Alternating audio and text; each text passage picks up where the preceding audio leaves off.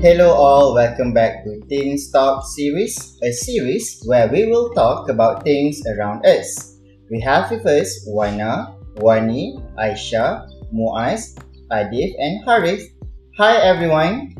Hi. In this episode, we will talk about causes of flood. So, who would like to start the discussion? May I? In my opinion, one of the reasons that causes flood is heavy rain. No matter where we live, we are surrounded by infrastructures and systems designed to move rainwater into appropriate basins and reservoirs.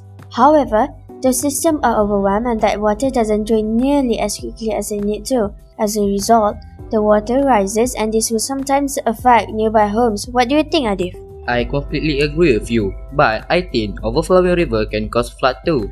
This is because when the river heavily, government had to choose either to keep water in the river or to let it go, since the other one will control it.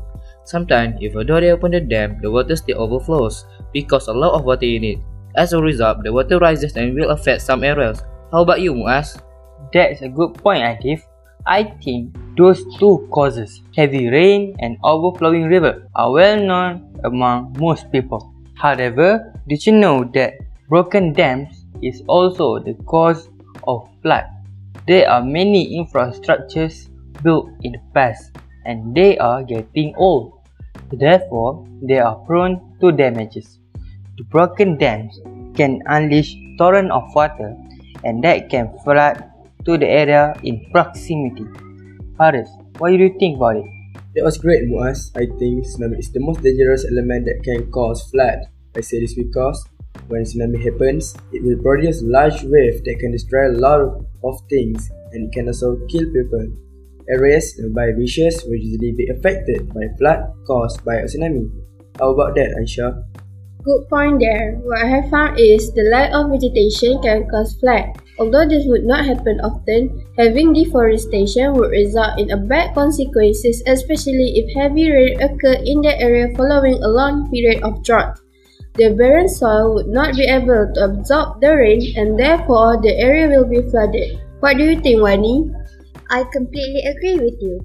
I think urban drainage basins can also cause flood. Many of our cities are made of mostly concrete and other impermeable material. When you have an urban drainage basin that is made of concrete, there is no ground for water to seep into. So, when those drainage basins fill up, is going to mean that flooding for those low-lying areas. Well then, which of those reasons is the most common reason for flood? Well, I believe the most common reason that causes flood is overflowing river.